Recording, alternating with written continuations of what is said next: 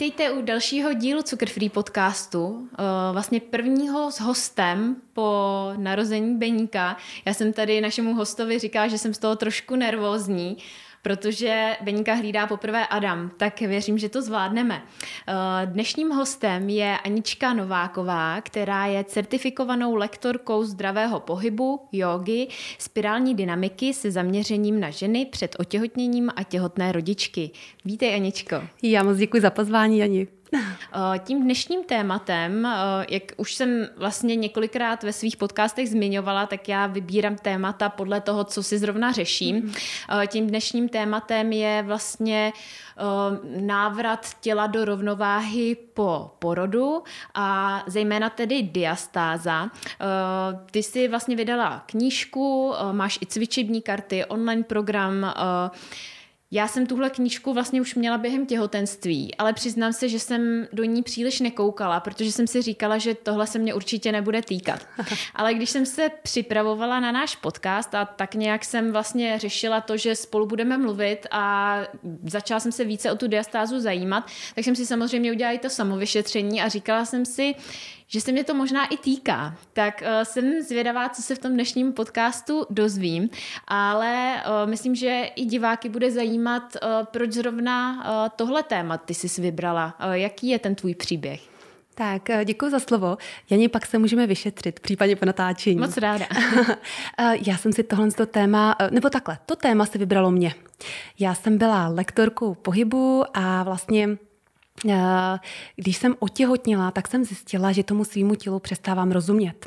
A to těhotenství nebylo úplně fyziologické a abych třeba na úvod řekla, co třeba mě překvapilo na tom těhotenství, tak vlastně ta břišní stěna nebyla tak pevná a to bříško se mi hodně, hodně vyklenovalo. Později se přidružily určité potíže, v posledním trimestru jsem nemohla téměř chodit, byly velké bolesti pánevního pletence. No a zjistilo se, že mám opravdu extrémní rozestup svalů na břiště. My si za chviličku řekneme, co ta diastáza vlastně je, ale jenom tak na úvod, abych teda řekla, jak, si to mě, jak se to potkalo. No a vlastně mm, tak se to sešlo, že jsem nemohla porodit přirozeně a vlastně narodil se mi první syn císařským řezem. No, po císařském řezu uh, vlastně ta rekonvalescence je trošičku jináčí než po porodu uh, přirozeném a já jsem se v tom trošičku patlala ať jsem opravdu to tělo znala, znala jsem anatomii, dlouho už jsem lektorovala, samozřejmě potkala jsem spoustu klientek, tak najednou jsem vlastně cítila ten střed těla naprosto odpojený a bylo mi to hrozně líto. Nebylo to vlastně vůbec příjemné období vlastně zžívání s miminkem, ale řešila jsem své problémy. Bříško se nestahovalo, jak jsem očekávala, nebo jak očekávalo mé okolí, což na tom teda bylo taky dost smutné, že mi to každý vlastně jako připomínal, že to bříško je vlastně hodně vyklenuté, ale přidružil Řešily se další potíže, bolela záda, eh, objevila se inkontinence, bolesti hlavy. No a tak jsem začala teda obcházet eh, vlastně, co šlo, různé eh, ordinace, fyzioterapii, eh, chirurgii, různé lektory. A vlastně tak začala ta má cesta. Zhruba v půli roce vlastně toho mého prvního dítěte vlastně jsem začala znovu lektorovat, lektorovala jsem vlastně jogu a, a nějaké ty vlastně principy zdravého pohybu, ale už jsem sledovala klientky, které byly po porodu a postupně jsme dali dohromady právě koriogu, která se zabývá vlastně řešením, funkčním řešením té diastázy břišních svalů. Takže je to můj příběh takový nešťastný, ale s takovým jakoby, uh, šťastným koncem bych řekla, protože mě to nasměrovala na neuvěřitelnou cestu a to je osvěta právě této problematiky a, a je to vlastně mm, cesta takové pomoci ženám, jak být vlastně spokojené v tom mateřství, aby ty začátky neměly tak rušné, jako jsem měla já.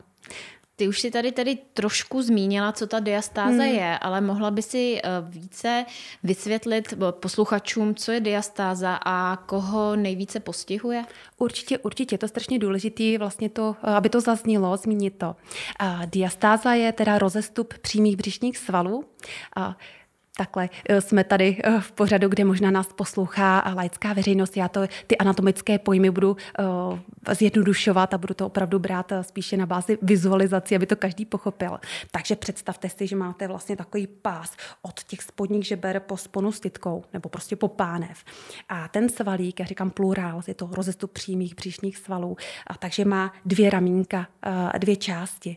No a když se ten sval rozestoupí vlivem působení nějakých sil, tahu a tlaku, například v těhotenství, kdy roste bříško, aby se tam vešlo miminko, tak uprostřed se stenčí vazivo. Jo, tam je taková spojnice a ono se roztáhne do strán a může se oslabit. A tomu právě říkáme ta diastáza.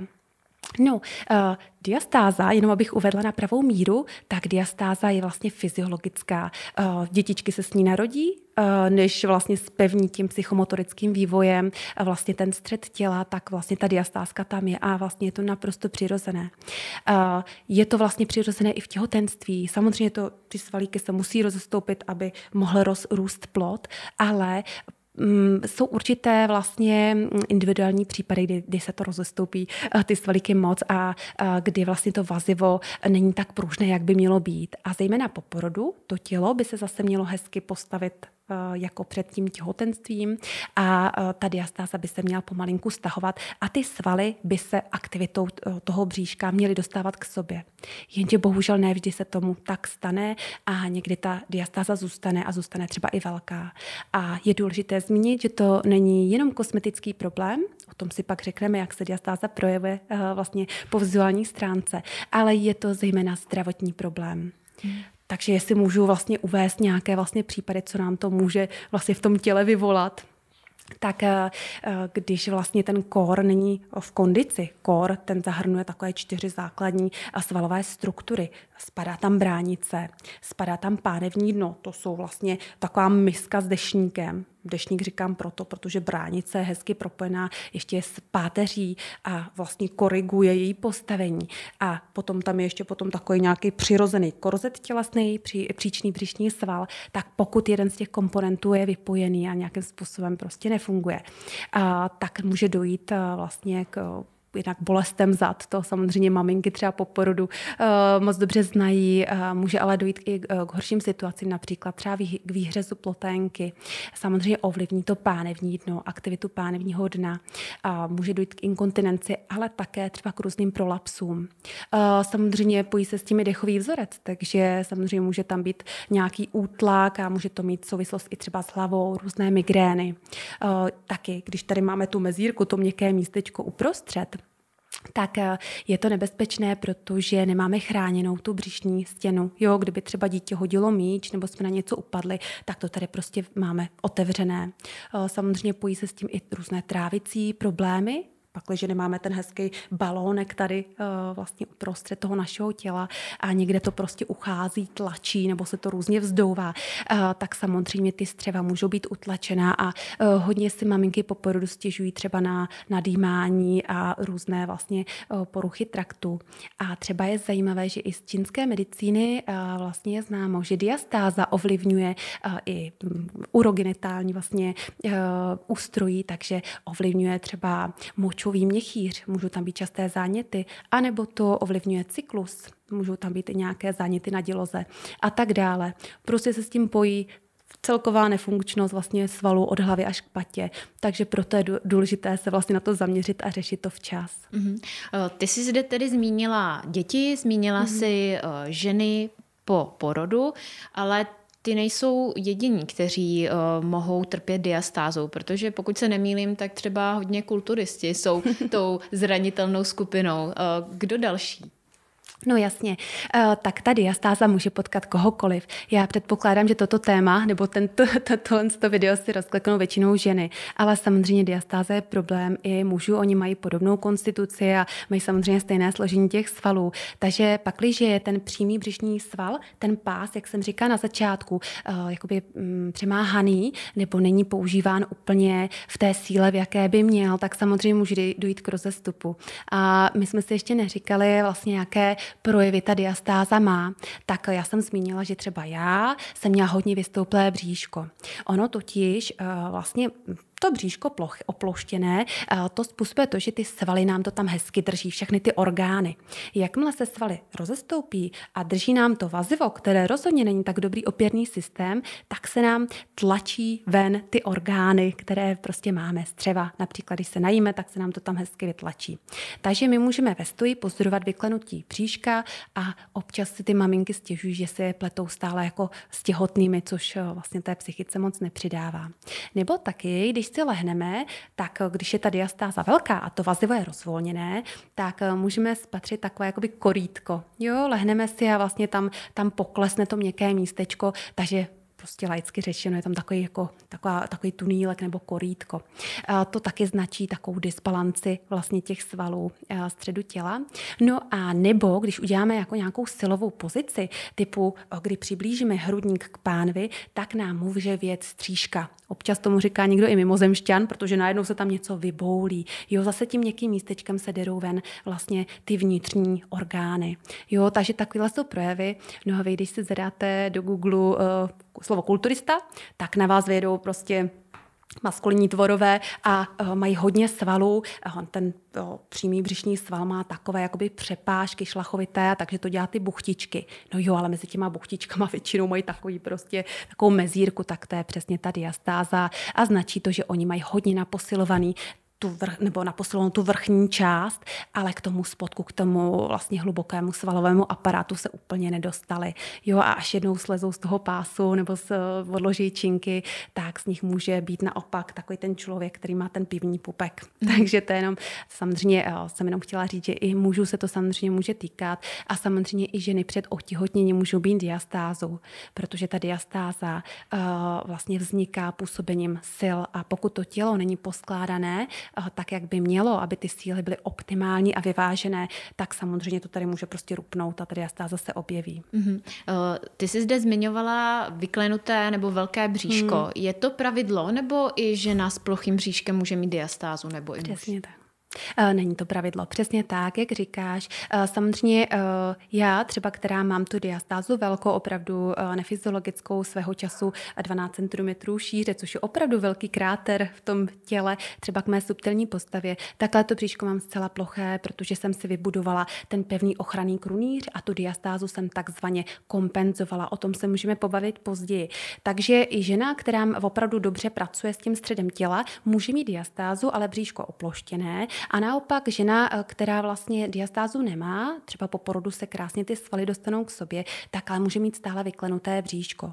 A těch důvodů může být více. Eh, jednak má třeba špatné postavení těla, eh, představte si kačera, nebo když někdo řekne, jsi postavený na kačera, představte si tu lordózu, jo, vyšpolený zadeček, bříško vyklenuté, tak v tomhle tom postavení těla to potom vypadá, že má opravdu vybolené bříško a ty svaly jsou tam třeba i povolené. Ale může to být třeba i hormonální nerovnováha. Jo, mm-hmm nebo samozřejmě insulinová rezistence, cokoliv. Takže opravdu ženy eh, s větším bříškem eh, nemusí mít nutně diastázu, ale rozhodně větší bříško není úplně znak jakoby zdraví a myslím si, že každá žena, která třeba to bříško má opravdu větší, by s tím něco měla dělat. Je to střed těla, je to strašně důležitá část našeho těla. Mm-hmm.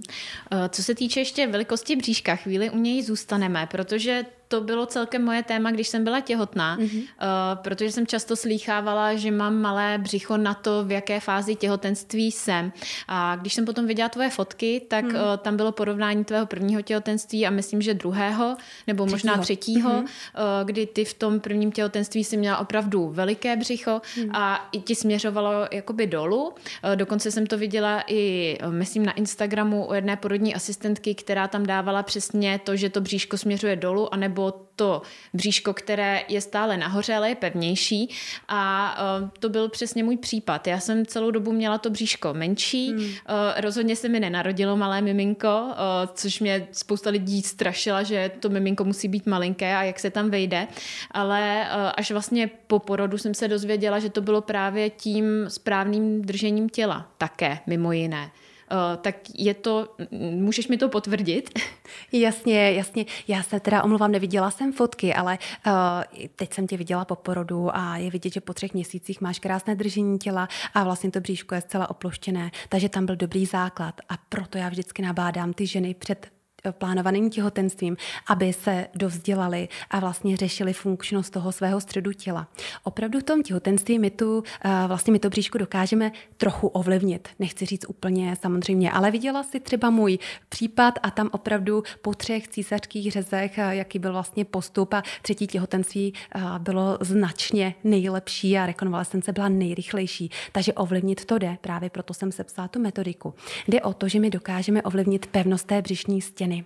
My máme na to takového prťáka v tom těle, je to příčný břišní sval, který vlastně vede odzad a upíná se tady na to vazivo, vlastně, které máme ve středu. A my, když ho dokážeme hezky aktivovat, tak on nás dokáže krásně držet, oploštit, držet tam ten krásný balónek uprostřed těla. Tohle, když ta maminka budoucí umí, tak si přesně zajistí, že to bříško bude menší, nebude vlastně tolik překážet. Třeba se vlastně vyvaruje i bolestem pohybového aparátu, nebudou jí bolet právě záda, nebo třeba bolesti, ne, nepřijde k těm bolestem pánevního pletence a tak dále. A pak ta rekonvalescence je taky rychlá. Takže tohle to my dokážeme ovlivnit. Ale uh, vlastně mm, ne všechno Takhle, něco nám bylo dáno i do vínku. Chci říct, že uh, máme nějakou genetickou dispozici a to je hlavně laxicita, protažitelnost vaziva. Uh, já jsem třeba obdržela bohužel uh, velkou protažitelnost, takže mě to vazivo se opravdu hodně natahuje a vlastně nic moc s tím nedokážu udělat, takže tohle to zase musím říct, že bohužel někdo má, ale i tak se s tím dá hezky pracovat. Jo? A taky jsou vlastně k té diastáze náchylnější rodičky, které jsou starší, tam ta laxicita vaziva se taky zvyšuje, takže rodičky vlastně nad 35 let. Jsou to ženy, které třeba měly to špatné postavení těla nebo oslabenou břišní stěnu už před těhotenstvím. To si pak prostě sebou nesou a, a ne, pak nelze říct, že ta diastáze je způsobená těhotenstvím, protože oni ty, eh, ten původ je vlastně mnohem, mnohem dříve. Jsou to ženy, které třeba mají eh, těhotenství velmi rychle za sebou. Tam to tělo se nestačí dát dohromady, není tam ten proces hojení ukončen, takže pak vlastně to vazivo může být více oslabené eh, a samozřejmě jsou to různé vícečetné plody, jo, když jsou dvojčátka nebo opravdu je to děťátko větší, ale tak tady se zase případ, že to tak prostě nebylo. Jo? Takže určitě k tomu jsou různé dispozice. Mm-hmm. Eh, může mít diastáza vliv třeba i na porod? Určitě může. A tak to bylo i u mě. A můj případ byl ten, že vlastně to miminko bylo tak hodně vepředu. Já to bříško měla opravdu špičaté a hodně vystouplé vpřed. A nestalo se, že by se krásně právě vyvážil už od toho hrudníku. Já ten hrudníček měla takový jakoby skříplý, opravdu tam vlastně ta elasticita nebyla. A pak to šlo všechno prostě do, to, do předku. Já to vždycky připomínám jako balónek. Když se balónek nahoře zmačkne, tak kam to jde? Jde to dopředu. Jo? A když to miminko je takhle vepředu, tak samozřejmě o, to působí na celý ten pohybový systém. O, jsou tam určité problémy. I ta děloha se překlápí. Překlápí se nahoru. Děložní čípek jde laterárně, takže ono vlastně ten přirozený porod může být tímhle s tím ohrozen. A u mě to tak bylo. Byl potom vlastně akutní císařský řez, protože to miminko absolutně nedoputovalo do těch porodních cest. A takže určitě to má vliv a je dobré, jak říkám, prostě s tím být už vzdělaná a informovaná před těhotenstvím. Mm-hmm. Jak tedy naši posluchači nebo zejména posluchačky zjistí, že eh, diastázu mají? Jaká eh, ta diagnostická metoda je nejpřesnější? No tak určitě nejpřesnější by byla někde na oddělení chirurgie, buď tomografií, sonem nebo i magnetickou rezonancí, ale samozřejmě to ne každý bude absolvovat, takže určitě doporučuji samé vyšetření leže a můžu to teda popsat takhle, když tak eh, předpokládám, že tady už se nemůžeme natočit potom na podložce, že bych to ukázala na tobě, ale určitě si to dohledáte i na internetu, diváci. A zkuste se položit na záda, a e, pokročte si nožky. Úplně uvolněte bříško a potom zkuste zvednout hlavu. Dejte si ručku do středu těla, třeba na pupík, na úroveň pupíku. Dlaň směřuje k hlavě. A když zvednete hlavu, zapojí se ten přímý břišní sval, ty, dvě, ty dvě křidílka. Pak, když je diastáza, tak vy nahmatáte pevné okraje toho svalu a zjistíte, jestli teda ty svaly jsou rozestoupené či nikoliv.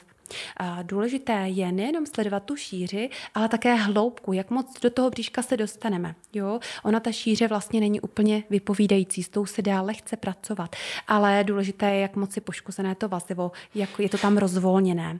Takže tak nějak si poznamenat v hlavě v té úrovni, kde jsme to vyšetřovali a vlastně vyzkoušet to po celé délce té linea alba, toho vaziva, takže od těch spodních žeber až, až vlastně po ten spodek a zjistit, kde vlastně ta diastáza je a kde není. Ona Ona totiž může být i jednostraná, může být na jedné straně, nebo může dělat neplechu u bránice víc, nebo víc u toho spodku té pánve. Mm-hmm. Ty jsi zde zmiňovala, že je to tedy přirozené mít během těhotenství po porodu diastázu. Kdy ale je diastáza fyziologická a kdy už je potřeba ji začít nějak řešit? Tak pokud se bavíme o, o, dos, o dospělých vlastně osobách, tak jako nelze říct nějak striktně, jo, pouze orientačně, protože, jak říkám, já, já mám velkou diastázu ohromnou, ale uh, vlastně nečiní mi pardon, žádné zdravotní problémy. A to je důležité si říct, jo, jestli mě nějakým způsobem omezuje, uh, jestli tam je nějaký ten vizuální problém a uh, jestli to nese nějaký zdravotní problém. Uh, Většinou udáváme my lektoři, že když tam suneme ty dva prstíky, dva a půl prstíku, tak už je zapotřebí tu diastázu opravdu aktivně řešit. Důležitá je taky ta hloubka, jak jsem zmiňovala. Jo, dostanu se hluboko, já jsem se svého času dostala až k páteři. Jo, téměř jsem si tam opravdu sunula ty prstíky, takže to bylo opravdu jako hmm. taková kontrolka uh, varovná, že tady prostě je velký problém a prostě uh, ovlivní to celý uh, vlastně zbytek, celé to tělo. Uh, takže Taky pokud trvíte samozřejmě nějakými, nějakými problémy typu bolesti zad, inkontinence, přidruží se kýla, tak, tak samozřejmě řešíme celkově střed těla. Mhm. Jo. Když tě do toho skočím, přišla jsi na to, proč zrovna u tebe, u toho prvního těhotenství k tomu došlo? Našla si tu příčinu, protože ty jsi byla hmm. aktivní, dá se říct, i předtím. Tak co bylo u tebe tím problémem? Jasně. Ono, Takhle, problémů bylo třeba víc. Já, já jsem si z dětství odnesla eh, hyperlodózu, na které jsem teda v budoucnu po, té, po tom 20. roku života začala teda intenzivně pracovat. Ale první 20 let jsem byla opravdu ve velkém prohnutí zad. To vazivo bylo tedy natahováno. Když si to představíte, eh, když je, jsou prohnutá ta záda, tak vlastně v zádu dochází ke zkrácení a vepředu k velké délce. Za zádech eh, to začíná bolet, protože tam je velká aktivita. Když je oslabený předek, tak to prostě musí převzít ta záda. A pokud je vepředu ta délka, tak dochází kontinuálně k rozstávání vaziva a pak to tam jednou rupne. Takže už vlastně od toho dětství jsem si nesla uh, trošičku takovou, uh, takovýhle problém, uh, že vlastně mi to může potkat. Ale pak jsem na tom začala pracovat. Bohužel jsem taky pár let dělala jogu a tam vlastně se vyskytují třeba velké záklony, rotace a um, občas jsem šla i do extrému, jak to tak občas na těch hodinách, na těch lekcích bývá, že se chceme třeba i srovnat s kolegou vedle a tak my se tam do toho pretlíku zamotáme přece víc. A tohle to přesně taky jako není úplně dobré pro to vazivo středové. No, Laxicitu vaziva u sebe už jsem zmiňovala, tam samozřejmě ta protažitelnost je prostě značně větší. A když se to všechno propojilo, tak to těhotenství, tě, to těhotenství to takhle jakoby probudilo. Mm-hmm. Uh, jak dlouho tedy po porodu by se to břicho mělo dát dohromady? Protože mm, nečekám, že eh, hned druhý den po porodu se mi stáhnou břišní svaly, tak po jaké době eh, bychom se měli vyšetřit a kdy už by to mělo být tak uh, jako před otěhotněním, pokud to tak vůbec hmm. může být. Jasně. Zase velmi individuální záležitost a rozlišujeme uh, vlastně porod přirozený a porod císařským řezem. Jo, u toho císařského řezu tam vlastně dochází k porušení kontinuit, tam je ten řez hluboký a vlastně jsou přeřezány uh, ty svaly, takže oni potřebují uh, vlastně čas na tu rekonvalescenci. Nicméně po tom přirozeném porodu vy vlastně musíte sledovat Eh, ten postup. Jo. Tam nejde říct úplně jakoby časový odhad, jestli to bude za měsíc nebo za tři měsíce, ale musíte vidět progres, že se to prostě spravuje, že se to dává dohromady, že se to nezastavilo právě na nějaké šíři 5 cm a už s tím nejde hnout. Jo. Takže většinou ty rodičky během těch tří měsíců se nějakým způsobem dostanou do toho vlastně stavu před otěhotněním. Říká se, že žena vlastně má čtvrtý trimestr, jako má to děťátko a vlastně v tom posledním trimestru se napřimuje, protože v těhotenství samozřejmě se ty síly eh, v těle změnily. U porodu císařským řezem je to taky velice individuální. Já mám zkušenost vlastně ze tří vlastně porodů. Po prvním jsem se dávala dohromady, ať už potom vlastně později eh, vlastně edukovaná, tak jsem se dávala dohromady zhruba ten rok a vlastně po třetím už v šest nedělí jsem měla zcela ploché bříško, byla jsem bez problémů. Takže taky je to prostě o, o té informovanosti té rodičky a pokud ví, jak se sebou pracovat, tak eh, to, eh, to jde velice rychle. Mhm. Eh, když se podíváme konkrétně tedy na nějaké praktické věci, případně cviky, které můžeme dělat ještě před otěhotněním, tak co by si doporučila? Hmm.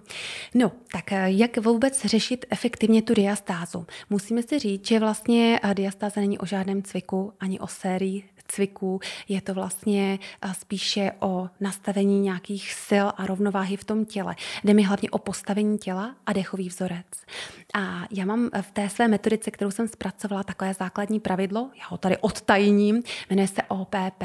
Důležitá je opora, tím, jak se upevňujeme, ukotvujeme buď chodidly, anebo částí těla, která se dotýká té podložky, pakliže rehabilitujeme.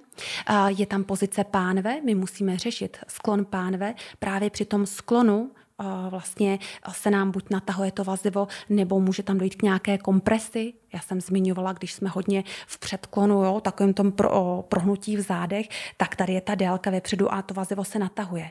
Ale naopak, pokud jsme v takovém tom kyfotickém hrbíku, tak jako uvelebený na těch židlích, občas to tak vídáme v kancelářích, tak zase vzadu je délka, tam moc aktivity není. Vepředu aktivity je, a aktivita sice je, ale je patologická, protože tam je opravdu hrozné sevřetí a ten hrudník se přibližuje k pánvi a ten přímý břišní sval tam prostě je hodně jakoby přeposilovaný a musí furt makat. To my nechceme. Takže je to hlavně o postavení pánve. Vždycky říkám, ať si ženy představí pánev jako misku s vodou a zkusí zavnímat, jestli ta miska se nevlívá dopředu, zad nebo do boku. To mají modelky, stojí na jednožce a hezky do boku sem tam vylívá ta mistička. Takže to je kontrola pánve, samozřejmě je to o úpravě pozice hrudníku. Pokud je hrudník a pánev hezky v kolenicích nad, nad sebou, tak právě to bříško může pracovat ty hluboké svaly. Pak, když není, máme tam ty nůžky, jo, tak tady se to natahuje, kór je vy, vy, prostě vy, už není, v pro, už není v provozu, a nebo může mít samozřejmě se přibližovat ty naše ramínka. Na s tím souvisí taky bránice. Bránice potřebuje mít svůj prostor, potřebuje mít prušný hrudník a potřebuje mít správnou, správný ukotvení a pak, když bránice pak dobře funguje, tak nám hezky masíruje břišní svaly, aktivuje pánevní dno a vytváří takový břišní lis. A posledním tom Pčku, OPP, tak tam je prodloužení těla, protože oni ty svaly potřebují fungovat excentricky, v délce. My se musíme krásně natáhnout. V tom těhotenství, to je zajímavý, my se snížíme až o centimetr. Jo, takže kdybyste se měřili, tak a samozřejmě prostě můžete trošičku poklesnout a je důležité potom porodu se krásně vytáhnout a tady za tím heliovým balónkem prostě protáhnout tu šíji. Pak to tělo může fungovat hezky v rovnováze. Já se tady tak celou dobu usmívám, protože by bylo hodně vtipný, kdybych měla kameru tady natočenou na mě, eh, jak upravu sezení podle toho, jak popisuješ OPP, tak nejdřív jsem se zaměřila na pánev, potom Jasně. jsem se tady protahovala, tak uh, doufám, že teď už sedím správně. Uh, Teď si tedy popsala to, co uh, můžeme dělat před otěhotněním, uh, na co si ale dát pozor během těhotenství. Uh, jsou to různé asi pohyby nebo i různé jako vstávání, Měli bychom vstávat přes bok, jak si pamatuji, tak na co jiného dát ještě pozor? Jasně, tak eh, ono je to, řeknu nějaký obecní eh, vlastně věci, které eh, jsou shodné jak pro těhotenství, tak i vlastně pro netěhotenský stav a pak řeknu věci, které jsou důležité pro to těhotenství. Obecně vlastně bychom neměli přemáhat ten přímý břišní sval, pakliže se chceme vyvarovat v budoucnu diastázy. Jo, ještě jsem nezmínila, diastáza je reverzibilní. To, že nad ní jednou vyzrajeme, neznamená, že se nám zase neobjeví. Je to celoživotní počin, celoživotní rehabilitace. Jo, to tělo si musí prostě osvojit nové pohybové uh, vzorce. Takže uh, opravdu nepřemáhá ten přímý břišní sval, to bych doporučila prostě už holčičkám, uh, který jdou na základní školu, budou mít tělocvik, tak aby se tam opravdu nepřemáhal, aby prostě jednou to bříško uh, mohlo fungovat tak, jak má. Takže asi nedělat extrémně sedy lehy? Tak, tak, tak. Já, si, já se domnívám, že vlastně sedy lehy, zkracovačky a i plánka, takhle ty silové pozice klasické svitka, tak dokáže udělat jakoby správně, ve správném postavení těla málo kdo opravdu nějaký osvícený trenér. Ani já bych si netroufla, netroufla opravdu eh, do takové pozice jít. Jo. Eh, tam je strašně důležité to, to napříjmení toho těla, dbát na to pravidlo. A to prostě laická veřejnost neumí a potom to vlastně přijímají tu sílu jiné svaly a dochází k takovýmhle patologiím. Takže úplně se vyvarovat uh, takovým těm základním silovým pozicím. Uh, rozhodně ženy vlastně z diastázu a i ženy těhotné by nemusely tolik zvedat nohy. Pak, když chtějí cvičit, uh, kde mají zvednuté nohy nad úroveň vlastně jakoby trup, tak třeba podložit židlí. Jo, opravdu nepřemáhat ten přímý břišní sval. On už tak musí přes den makat. On dělá před kon zákon, to děláme pořád, takže tu sklapovačku jako nechceme tolik prohlubovat. Samozřejmě dát si pozor na nějaké rotace. Do rotací musí mít až po 100% napříjmení, to je taky častý nešvar. Jsou tam určité pohyby, které diastázu také můžou způsobit. Jsou to pohyby křížem. Teď bohužel, pokud je někdo tenista nebo golfi, golfista, doufám, že to řeknu správně, tak samozřejmě si řekne, a co mám dělat. Asi nic, ale jenom to, na to upozorňuji, že ty pohyby křížem opravdu a třeba jednostrané můžou mít vliv na to středové vazivo. Eh, nezvedat, nebo takhle, eh, pokud možno nezvedat těžká břemena. Pak, když už máme třeba povolání, kde to břemeno prostě musíme zvednout, nebo, nebo máme malé těžké děti, miminko. těžké miminko, takhle se musíme osvojit, jak to udělat správně, v jakém postavení těla, právě respektovat to základní pravidlo. Eh, samozřejmě nesedět tak často a pak, když sedíme, máme prostě kancelářské povolání, tak ale umět sedět správně, mít oporu sedacích kostí, aby to tělo mohlo být vytažené a kor mohl být aktivní. Uh, říkala jsem i, tehdy jsem zmiňovala před chviličkou záklony. Jsou to velké záklony a rozpínání hrudníku, kdy zase je tady velký tak na to vazivo. Takže jsou to, takže jako náchylní vlastně k té diastáze jsou třeba plavci, jo, jsou to gymnastky, uh, jogíni, kteří tam vlastně používají hodně uh, tyhle ty pohyby. Takže i to třeba může být vliv. A samozřejmě je to jakákoliv jiná zkroucená pozice. My... Já jenom když ti do toho vstoupím, Určitě. tak jsem hodně zvědavá teda na to moje vyšetření po, po našem rozhovoru, protože přesně jak jsi o tom mluvila, tak jsem si vzpomínala na to, jak jsem dělala denně 500 sedů lehů. Hmm. Deset let jsem závodně plavala. Mám taky problémy, dá se říct, s extrémní flexibilitou. Eh, takže to jsou všechno eh, nějaké Dispozice. predispozice k diastáze, takže jsem na to celkem zvědavá. Určitě vám dám potom vědět, jak jsem dopadla. Jasně, jasně, ale Janí, ono um, takhle, jestli jsi závodně plavala, tak předpokládám, uh, že jste byla nějak vzdělaná pohybově. Jo, uh, spíš jde o to, že uh, prostě um, žena, která třeba nezná žádný principy uh, pohybové, neví, jak třeba to tělo je postavené a v celku třeba to tělo ani nevnímá, nedokáže uh, vlastně vycítit, co je pro něj dobré a co není, tak vlastně jde třeba plavat a teď plave s tou hlavou nahoře. Yes. Jo, takže spíš to myslím takhle, pokud někdo něco dělá závodně, tak pravděpodobně i má třeba nějaké kompenzační cvičení. Jo, bývá to i hudebníci mají kompenzační cvičení, pokud dělají uh, nebo hrají třeba na dechové nástroje a hodně namáhají uh, bříško, tak pak samozřejmě jinak cvičí. Takže to nebude asi ten případ, ale spíš prostě ta lidská veřejnost občas uh, jako neví. Uh, jak se zmiňovala třeba to zvedání, jsou to běžné denní pozice a to právě já učím ty rodičky, jak uh, vlastně se postavit, jak chodit, jak zvedat miminko, jak se předklánět. Kdo si mi je, tak teď si představte dámy, kdo si mi je v předklonu hlavu, jak to děláte? Jestli máte natažený nohy a ty kulatý záda, jo, a teď schrbený ramínka, a nebo jestli máte lehce pokrčené nožky, krásně vytažený trup a natažené ruce, volná ramena. Pravděpodobně ta první varianta. A takhle přesně, když se nakumulují tyhle ty pozice, jak zvedáme břemeno, ležíme jak zroucený, jak panenky hadrový v gauči, tak ono se to všechno kupí. Kupí v tom těle a pak jednou nám ta, to tělo dá signál, třeba tím bříškem nebo inkontinencí, jo, tak zpomal a zastav se a pojď to udělat prosím tě trošičku jinak, protože za 20 let prostě bys mohla něco, jo, mm-hmm. být prostě pohybově omezená nebo by byly nějaké bolesti.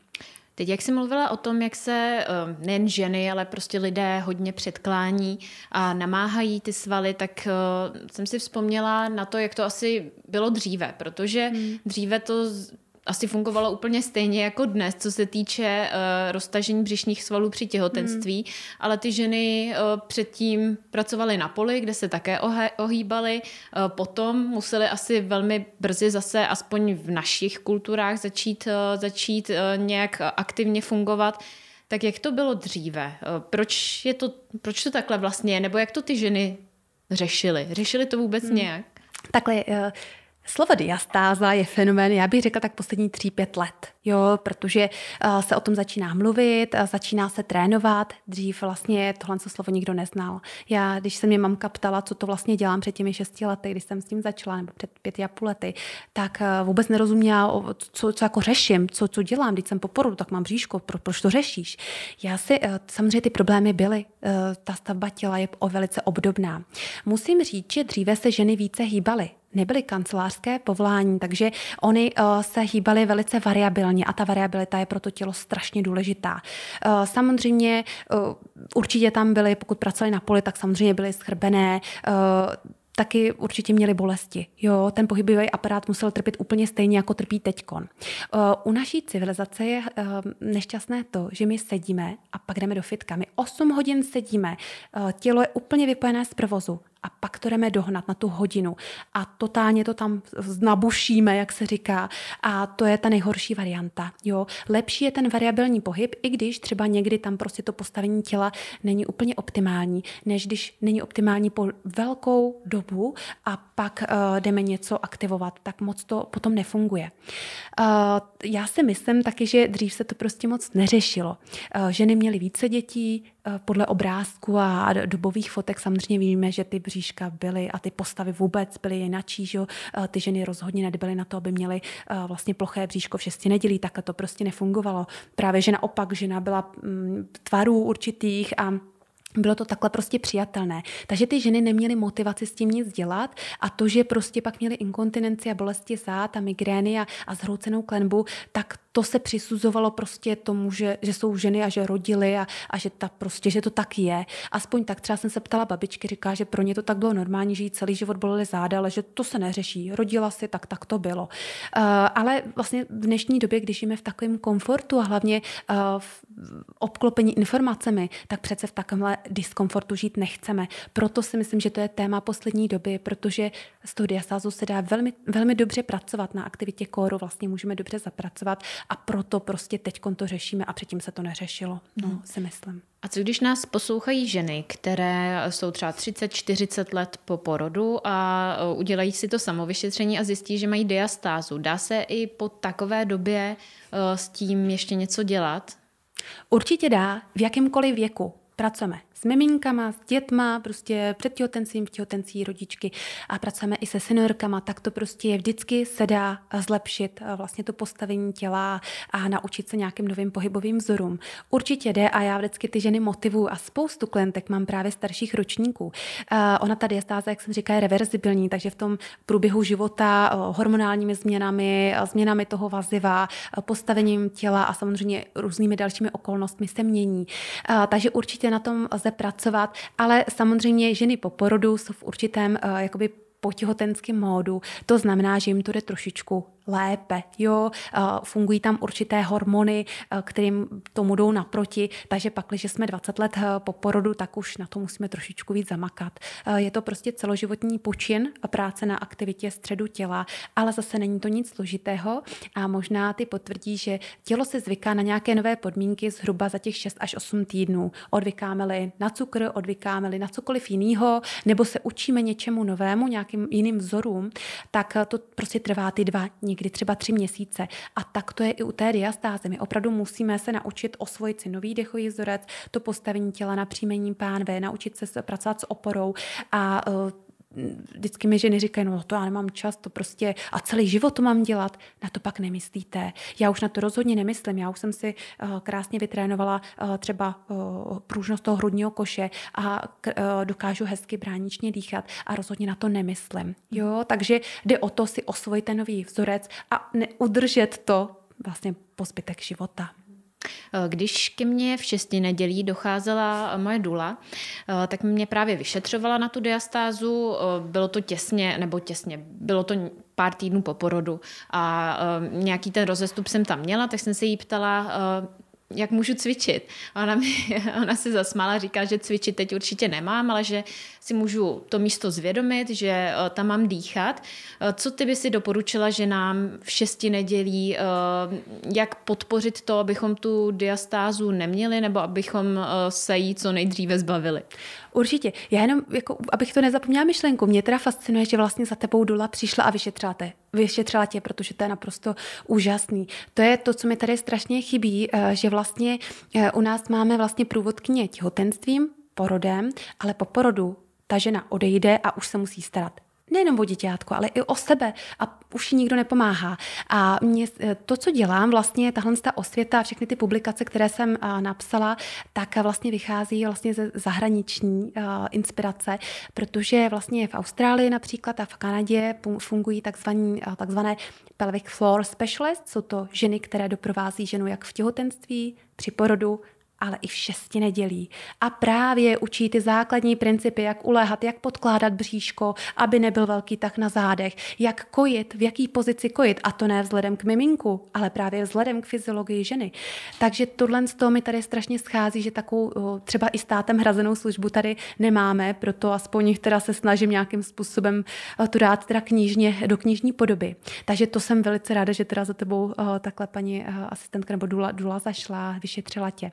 Co se týče toho, co můžete rodička udělat, zase eh, jsou různé eh, vlastně postupy pro ženu, která rodila přirozeně a která rodila eh, po císařském, císařským řezem, protože třeba musíme se starat o jizvu to o tom se moc nemluví, ale uh, než vůbec začneme cokoliv aktivovat, než začneme řešit vůbec svaly, tak musíme uh, vlastně propojit mozek uh, vlastně s tou porušenou tkání. A ať už jde o epiziotomii, prostě nástřih hráze, anebo prostě jizvu po císařském řezu, tak prostě musíme se o to tělo začít starat a to dotekovou terapií, fasciálními masážemi, natonizováním bříška, takže abych mluvila trošku srozumitelně a česky, dotýkat se těch částí, které nějakým způsobem prošly nějakým vývojem, takže dotýkat se spodku, jemně masírovat uh, hráz, pokud jsme teda rodili přirozeně.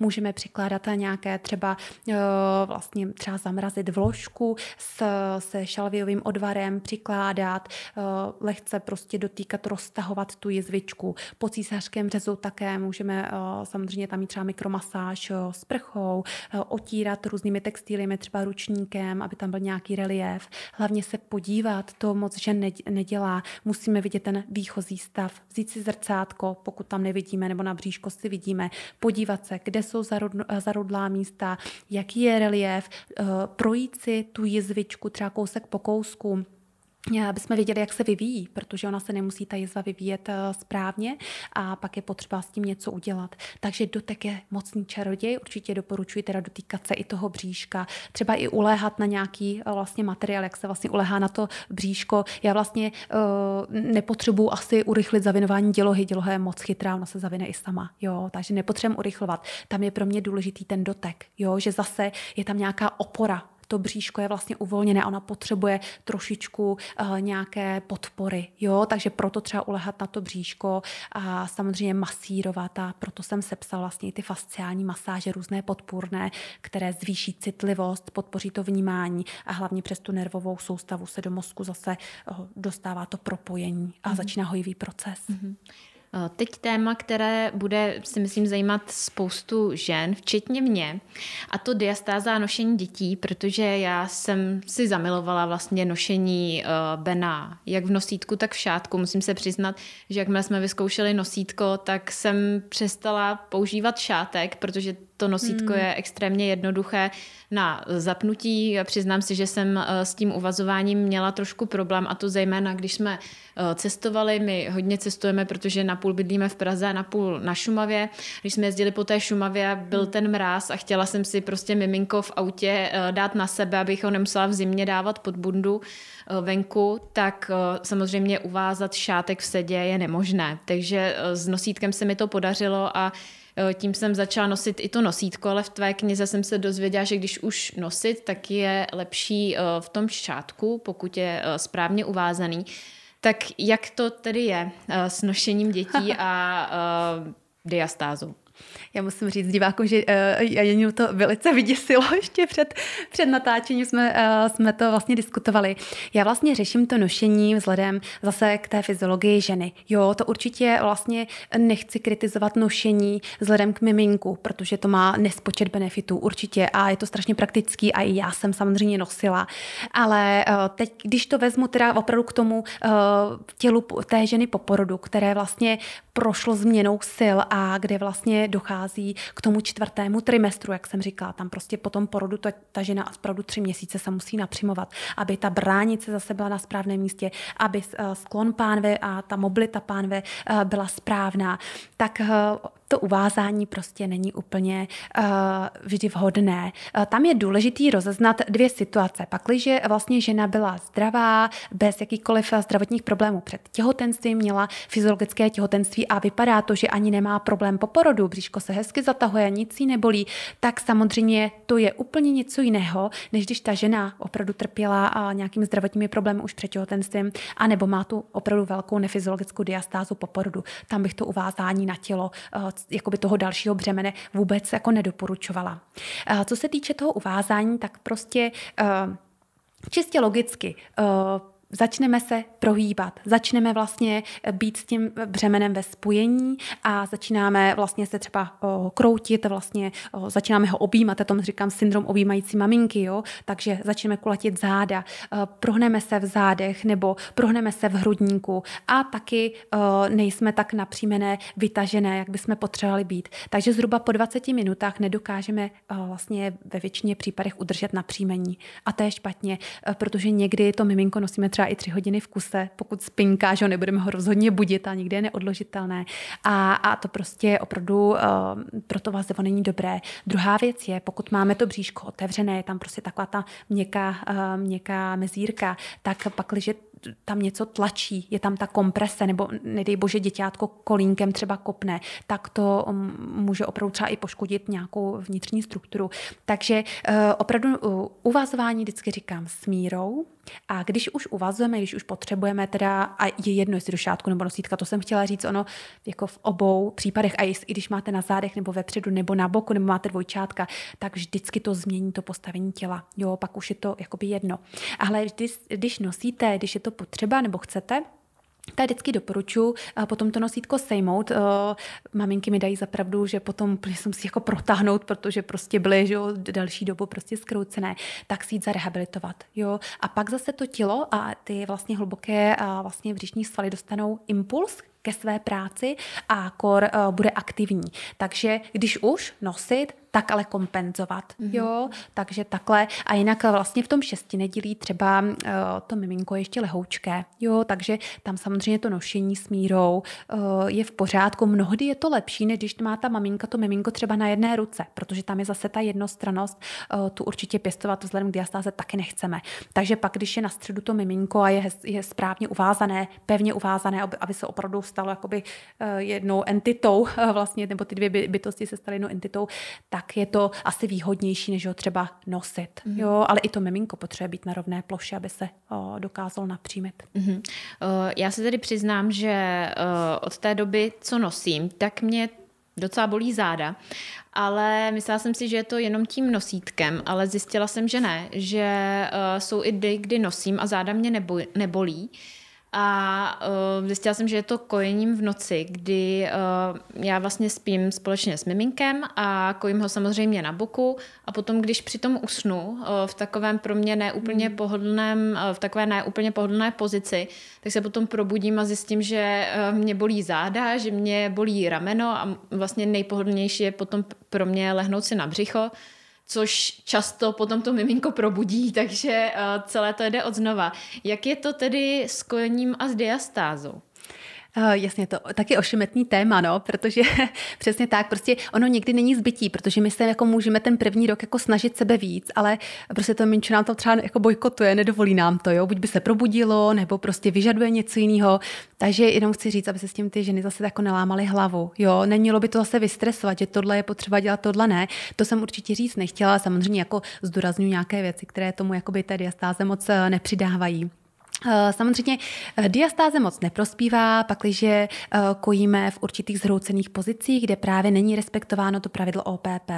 Klasicky předkláníme se a dáváme vlastně prso miminku a ne miminko k prsu. Jo, to je základ. Eh, třeba pomůckou, teď si člověk řekne, no ale jak to mám udělat? Já jsem si při druhém těhotenství už taková jako eh, erudovaná, tak už jsem si vyrobila takovou pomůcku. Eh, stoleček z IKEA, takový ten servírovací do postele a na něj jsem dala dečku a vlastně, protože mám malá, malá prsa, nemám prostě větší ten objem, tak to miminko jsem si krásně v napříjmení na pevné, rovné židli, kdy jsem cítila oporu uh, sedacích kostí, tak jsem si dávala k sobě. A nikdy mě nebolily záda a vlastně dokázala jsem vlastně aktivovat i hezky to bříško. Pokud žena třeba kojí na boku, tak určitě by to nemělo být takto, jo, a neměla by mít podepřenou tu hlavu, tady zase se změní vlastně ta linie a osta toho těla a dochází vy, vybočení hlavy. Hlava má velkou souvislost třeba s pánevním dnem, jo, na to pozor. Takže eh, když se kojí na boku, tak určitě podložit třeba polštářem hlavu, ruku si složit přirozeně vlastně podél té hlavy. A co je důležitý, podepřít si bříško. Jo?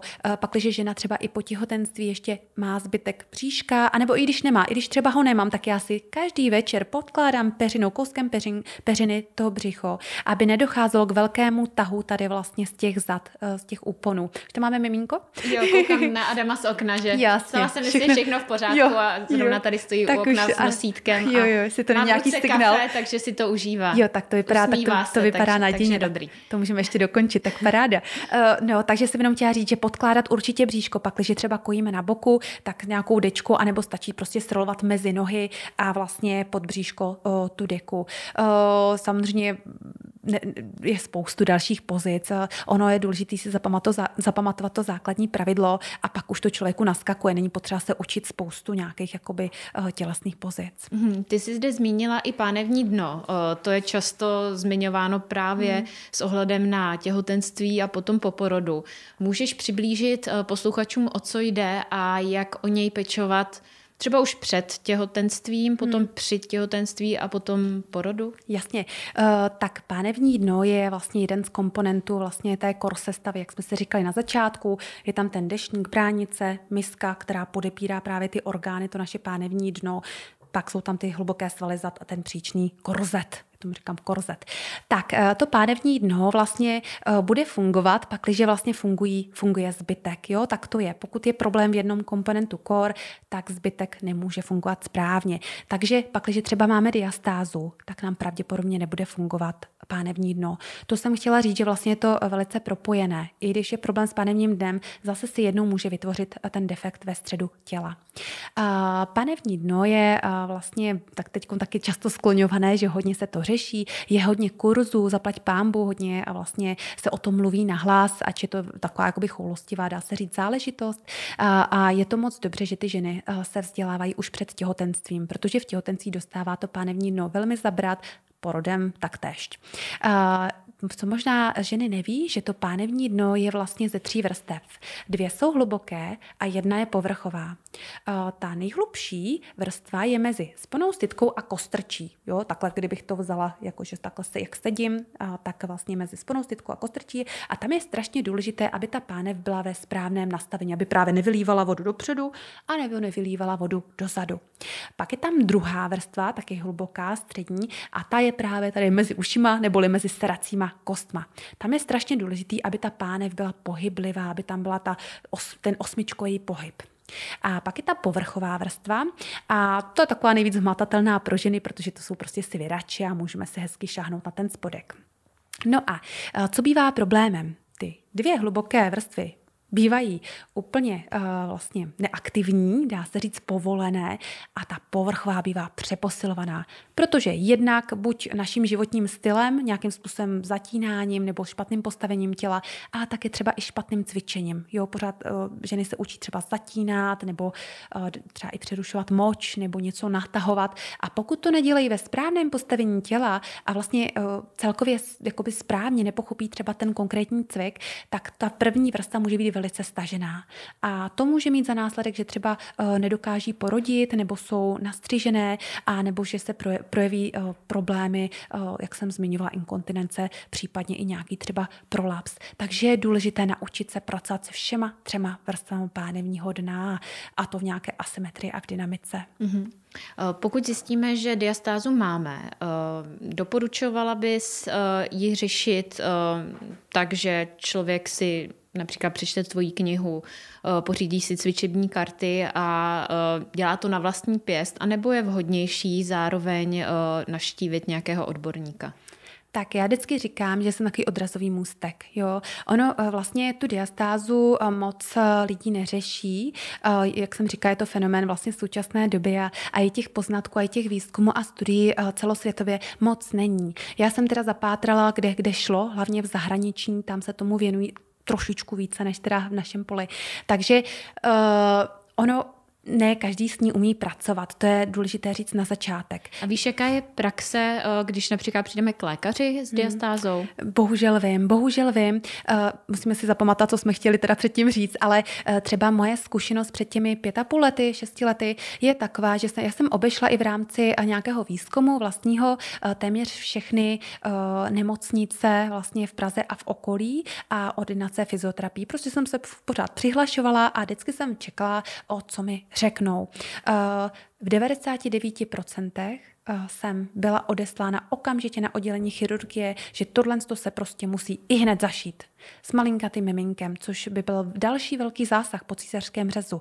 Nedali mi vůbec prostor pro konzervativní léčbu. Takže to bylo, nebo dá se říct 90% a 10% eh, zbytek buď teda řekli nějakou informaci o té diastáze, pokud věděli, pokud vlastně eh, se na to zaměřovali, anebo jsem dostala z mého pohledu neúplně šťastný cvik. Třeba právě zvednutí nohou, anebo nějak nějaké, nějaká ta zkracovačka, sklapovačka. Takže bohužel jsem tehdy, ale už je to jako pár let, jsem úplně nepochodila, ale chodila jsem vlastně do ordinací klasické fyzioterapie a zjistila jsem, že je mnohem výhodnější pro ženy najít si gynekologického fyzioterapeuta, který právě pracuje s těhotnými a ženami po porodu. A samozřejmě Potom uh, jsou uh, vlastně pohybové nějaké, uh, jak to říct, akademie, které vlastně vypouští spoustu lektorů pohybu a troufám si říct, že ty studia stázou umí pracovat mnohdy i lépe. Takže vůbec není potřeba se třeba bát, jakoby vyhledat i lektora pohybu a jejich spoustu, kteří se právě na tohle téma zaměřují. Jo? Takže určitě vyhledat odborníka, ale odborníka, který jakoby řeší tohle téma, který není třeba obecný a, a třeba jo, někteří se s tím úplně neví, neví rady, nezná, neznají tu metodiku. Uh, určitě uh, lze rozeznat taky, pokud je ta diastáza nefyziologická, tak samozřejmě uh, i hned začít pracovat s odborníkem, ale pokud je fyziologická, v rámci nějakých jakoby mezí, ještě nemám tak jako nějaké zdravotní potíže, anebo chci zaktivovat střed těla, tak určitě stačí jako takový ten první výstřel informovat se a začít třeba s tím osmitýdenním cvičením plánem. Většina žen potom vlastně zjistí, že vlastně ten kor dokáže, dokázali krásně zaktivovat a, a pochopili, eh, co s tím tělem mají dělat a už není potřeba vyhledat odbornou pomoc. Ale i já to tak mám, že vlastně eh, já jsem sepsala ty publikace, ale zároveň eh, vlastně pracuji, spolupracuji s kolegy, fyzioterapeuty a lektory a pokud klientka potřebuje, tak ji samozřejmě odkazuji na to správné místo. Takže dobrá kombinace. Mm-hmm. Ty jsi zde popisovala, že jsi, co se týče diastázy, byla dá se říct, extrémní případ. Eh, jsou, eh, dá se vlastně říct, že nějaká hranice toho, kdy se ta diastáza dá ještě řešit cvičením a uh, od které už je potom potřeba to řešit právě chirurgicky nějakou plastickou hmm. operací? Hranice je velice tenká. Já jsem vlastně z těch svých 12 cm zhruba na 6 cm. Pro někoho by to bylo teda strašně moc, ale já jsem velice spokojená se svým stavem a na operaci neplánuji jít. Jo? Takže pak, když mě v budoucnu, pak, když si uchovám vlastně tu, tu svoji pohybovou znalost a to tělo vlastně budu s ním hezky komunikovat, tak, tak vlastně si myslím, že tomu dokážu předejít. Ale pak je případ, kdy opravdu těch 6 cm, který se udává jako hraniční, tak vlastně mm, nedokáže třeba ten člověk tak, tak vnímat to své tělo. Jo. Tam je důležité říct, že e, je to taková velice jemná a citlivá rehabilitace a ne každý to dokáže uchopit. Jo, že e, někteří lidé jsou moc jako siloví a potřebují nějaký pohyb a tohle tím moc nejde a nedokáží se nacítit na to své tělo, nedokáží to správně vnímat. Těch, těch osob je spousta. Pakliže vlastně třeba i po roce, po dvou se nedobíráme nějakým výsledkům, tak tam je prostě na řadě bohužel teda, když tak operativní zákrok. Mm-hmm. Um. Často tedy se tento problém týká právě čerstvých maminek, nebo nejenom čerstvých, ale myslím si, že zrovna čerstvé maminky nás budou poslouchat. Kde, Aničko, najít čas na cvičení třeba podle těch tvých karet s malým miminkem? No, je to jako, když si čistíte zuby, prostě je to, je to krátká doba. Tady je potřeba říct, že vlastně pokud zaktivujeme ten příčný břišní sval, tak on nějakou dobu pracuje. Ty hluboké svaly pracují na jiné báze než ty povrchové. Jo, ty povrchové potřebují vlastně nějakou dobu aktivace, aby vlastně nabili na té své hmotnosti. U těch hlubokých my nepotřebujeme zvyšovat objem nebo zvětšovat objem, ale potřebujeme tu aktivitu, potřebujeme nějaký tonus získat. A uh, právě um, k tomu hlubokému svalstvu je potřeba dávat určité signály a to co nejvíckrát za den. Takže stačí opravdu pár sekund nebo i minutka denně opravdu uvědomit si jenom sedací kosti. Jo? Jak má zatlačíme do sedací kosti, najednou tady cítíme, jak vlastně v tom bříšku se to začíná vytahovat, vypínat nahoru a je tam vlastně podpora nestení bříška. A ono si to tělo chviličku zachová. Takže i to cvičení je vlastně sestavené tak, aby to bylo vlastně na pár minutek denně, třeba třikrát denně, ale stačí dvě, tři minutky. A to se najde každá máma. A hlavně, eh, já jsem máma tří dětí, který mám doma, takže já samozřejmě taky šetřím časem. Je to vymyšlené tak, aby vlastně ty jednotlivé pozice dokázala ta žena i zakomponovat do té běžné rutiny. Jo? Jsou to třeba ty předklony.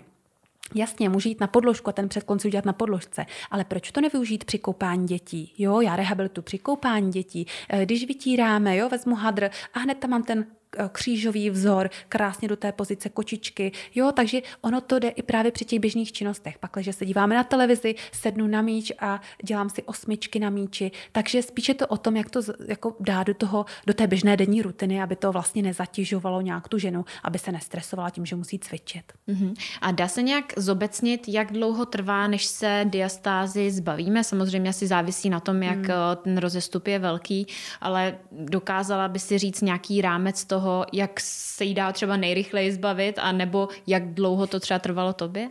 Uh, jo, většinou to trvá kolem těch dvou měsíců. Jak jsem říkala, vlastně kolem těch šesti až osmi týdnů si vlastně tělo dokáže osvojit nějaké ty pohy- nové pohybové vzory, vlastně nové to postavení. A já, já ty karty a vlastně ten online program mám i na těch zhruba 8 týdnů, 7-8 týdnů, kdy vlastně ty ženy by měly pocítit první výsledky. To, jestli se jim stáhne diastáza nebo ne, to vlastně není vůbec primární. Důležité, aby si právě vybudovali ten pevný krunýř ochranný tady vlastně v tom středu těla.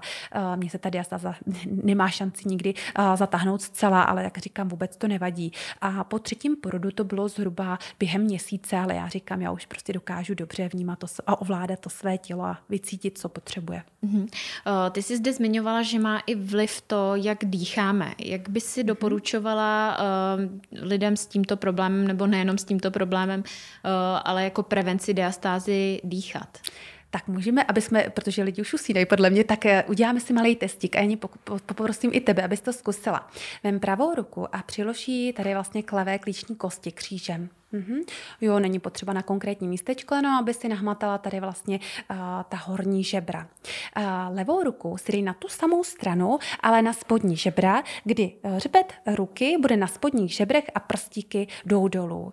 A teď si zavři oči a dýchej tak, jak jsi zvyklá a vnímej, jestli se ti zvedá více horní ruka nebo spodní, a nebo jestli se uh, nadzvihávají nebo cítíš nějaký drobný pohyb pod oběma dlaněma. Jenom u té spodní. Jenom u té spodní? Mhm. Tak to je varianta, která, která si myslím, že moc lidí si neřekne, protože většina lidí dýchá tady nahoru do hrudníku a moc nedokáže vlastně rozpínat ten hrudník dozadu a do stran, do boku. Pak, když dýcháme do hrudníku, co ti to připomíná tohle? malá sklapovačka. 17 tisíckrát denně děláme malou sklapovačku a pak se divíme, že se nám diastáze nezatahuje.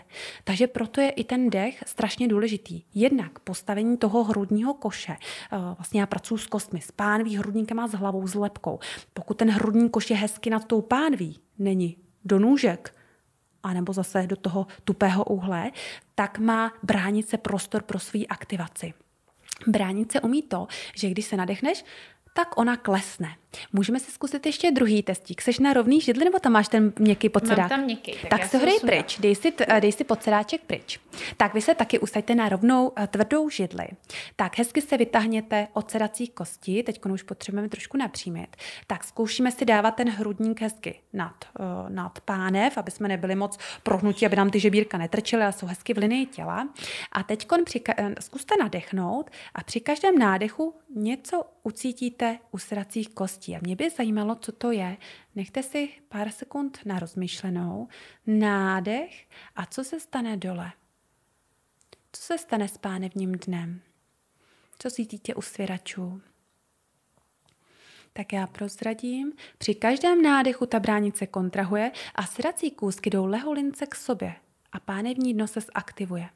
Chce to trošičku tělesné takové koordinace a vnímání, samozřejmě to právě učím v té metodice a dobré je to třeba udělat na míči, protože tam máme ještě toho parťáka, tam je nějaká ta opora, ale opravdu to hezky funguje, když se nadechneme, tak se krásně zaktivuje pánevní dno. Jo? Takže ta bránice toho umí hodně a ona taky dokáže vlastně uh, aktivovat ten příčný břišní sval ten nám samozřejmě stahuje tu diastázu. Takže dech je naprosto zásadní. Dýchat do tří směrů, dopředu, do boku a i do zadní části. Mm-hmm.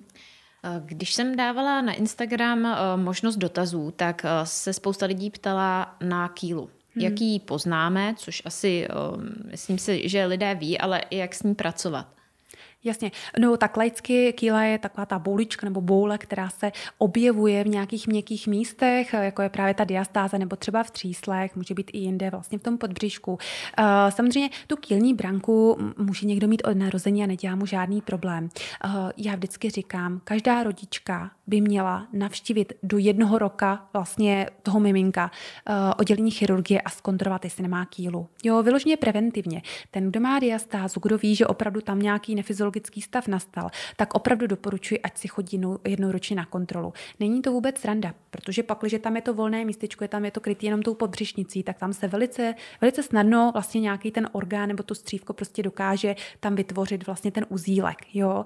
A může se i uskřinout a samozřejmě víme, jaké následky to může mít. Takže eh, je dobrý to kontrolovat, to za prvý, ale za druhý eh, vlastně pozitivní zprávou je, že aktivací kor těch čtyř svalových struktur a hlavně právě toho příčného břišního svalu, toho korzetu, dokážeme hezky kompenzovat tu diastázu, vytvořit tam pevnou oporu, není tam pořád to měkké místečko a tím pádem se i ty kličky střevní dokáží třeba lehce uvolnit. I já to tak měla, měla jsem velkou kýlu po prvním porodu, ale, ale už uh, je to po těch vyšetřeních lepší a lepší, takže určitě to lze podpořit. Eh, ty ve své knize zmiňuješ i vývojovou kineziologii, eh, která se mi hodně líbí, protože eh, jsem pozorovala Bena, jak jo. se začíná různě hýbat a samozřejmě, jak si zmiňovala, tak miminka mají diastázu mm-hmm. a mhm. právě tím, jak se hýbou, tak se jim ty břišní svaly stahují. Můžeš nám ji blíže přiblížit a i říci, jak nám může právě pomoci? Mm-hmm. Tak pro toho, kdo vůbec neví, o co se jedná, tak uh, představte si děťátko, které má vlastně do jednoho roka určité vývojové stupně, nebo i dále vlastně během toho psychomotorického vývoje. Uh, a ty stupně, vždycky ten vyšší stupeň obsahuje ten nižší. Řekneme si na příkladu, děťátko uh, pase koníčky, to víme, jak vypadá, že je na tom bříšku, pak je stupeň, že leze po čtyřech a pak je stupeň, že se třeba postaví k opoře a pak třeba začne i chodit samovolně. Pak, když by to děťátko jeden stupeň přes přeskočilo, například z lehu by rovnou se rozešlo nebo si stouplo k opoře a rozešlo, přeskočilo jeden vývojový stupeň. Třeba tu kočičku, to vlastně, jo, to, tu pozici na čtyřech. No a v budoucnu to vlastně může dělat eh, tomu dospělému člověku paseku, protože vlastně přeskočili ten vývojový stupeň a to tělo se na to neadaptovalo. Proto i já s klienty nebo mý kolegové s klienty a vlastně mm, se díváme na toho člověka a pozorujeme, kde třeba mohla být nějaký nedostatek. A potom s tím dospělým člověkem prochází procházíme ty jednotlivé fáze a vnímáme nebo díváme se, jak vlastně využívá opory, jak se vlastně dokáže postavit té pozici, jak v ní dokáže reagovat na různé podněty.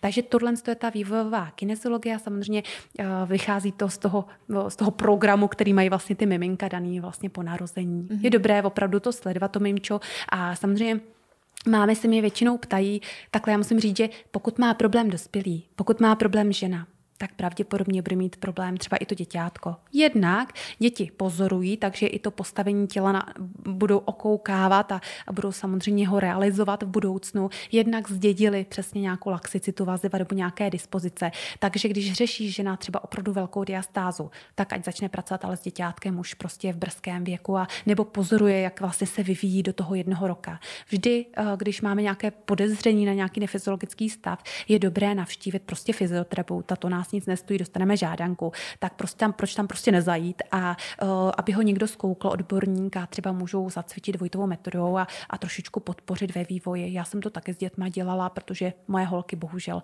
uh, vlastně to postavení těla zdětily a, a ty moje dispozice prostě. Mhm. My jsme tady už několikrát zmínili, že jsi vydala krásnou knihu, také cvičební karty. Můžeš nám je tady blíže představit? Mm-hmm. Tak já začnu knihou, protože ta kniha vlastně obsahuje takový metodický rámec. Já jsem vlastně na začátku nezmínila, proč vlastně dělám to, co dělám, protože já jsem chtěla vytvořit takový jakoby ucelený teoretický rámec, který by pomohl právě těm ženám po porodu, aby nemuseli složitě vyhledávat informace. Já jsem vlastně půl roku jenom vyslala na internetu a chodila do nějakých vlastně ordinací a, a vlastně eh, potom do, do škol různých vzdělávacích institucí, abych se dozvěděla vlastně, co se sebou mám dělat. Tohle to prostě běž, běžná smrtelnice s miminkem nemůže. Jo, já jsem to absolvovala, ale není to teda vůbec příjemný a samozřejmě ovlivnilo to i to mateřství. Takže já jsem chtěla těm, že nám dát už ucelený rámec, ty informace v jednom celku, v jednom balíčku, rozdělení do šest neděl, tak jak jsou hojové procesy po porodu, tak i ta knížka je vlastně na to šesti nedělí takhle vlastně vytvořená, aby na to měly ženy čas a aby vlastně to zvládli. Takže takhle vznikla tahle ta kniha, je to vlastně deník pro těhotné a po porodu, vlastně celostní péče o tělo a mysl. A jak jsem říkala, má šest kapitolek. V první si říkáme něco málo o té anatomii, vlastně jak to tělo si stojí a co by nás tak mohlo zajímat a proč pracuji s kostma, ne s valama, ale tak jako zábavnou formou. Rozhodně ne nic složitýho a vlastně ty recenze jsou fajn, že vlastně každá to pochopila, tak to mám velkou radost, tak to mělo být psáno. Druhá kapitolka těhotenství porod psychika, tam se vlastně zabrouzdávám i do, do uh, moří uh, psychosomatiky, protože to postavení těla výrazně ovlivňuje psychiku a psychika ovlivňuje i postavení těla. To se samozřejmě, uh, koho to bude zajímat, tak ať se podívá na mé články třeba na blogu.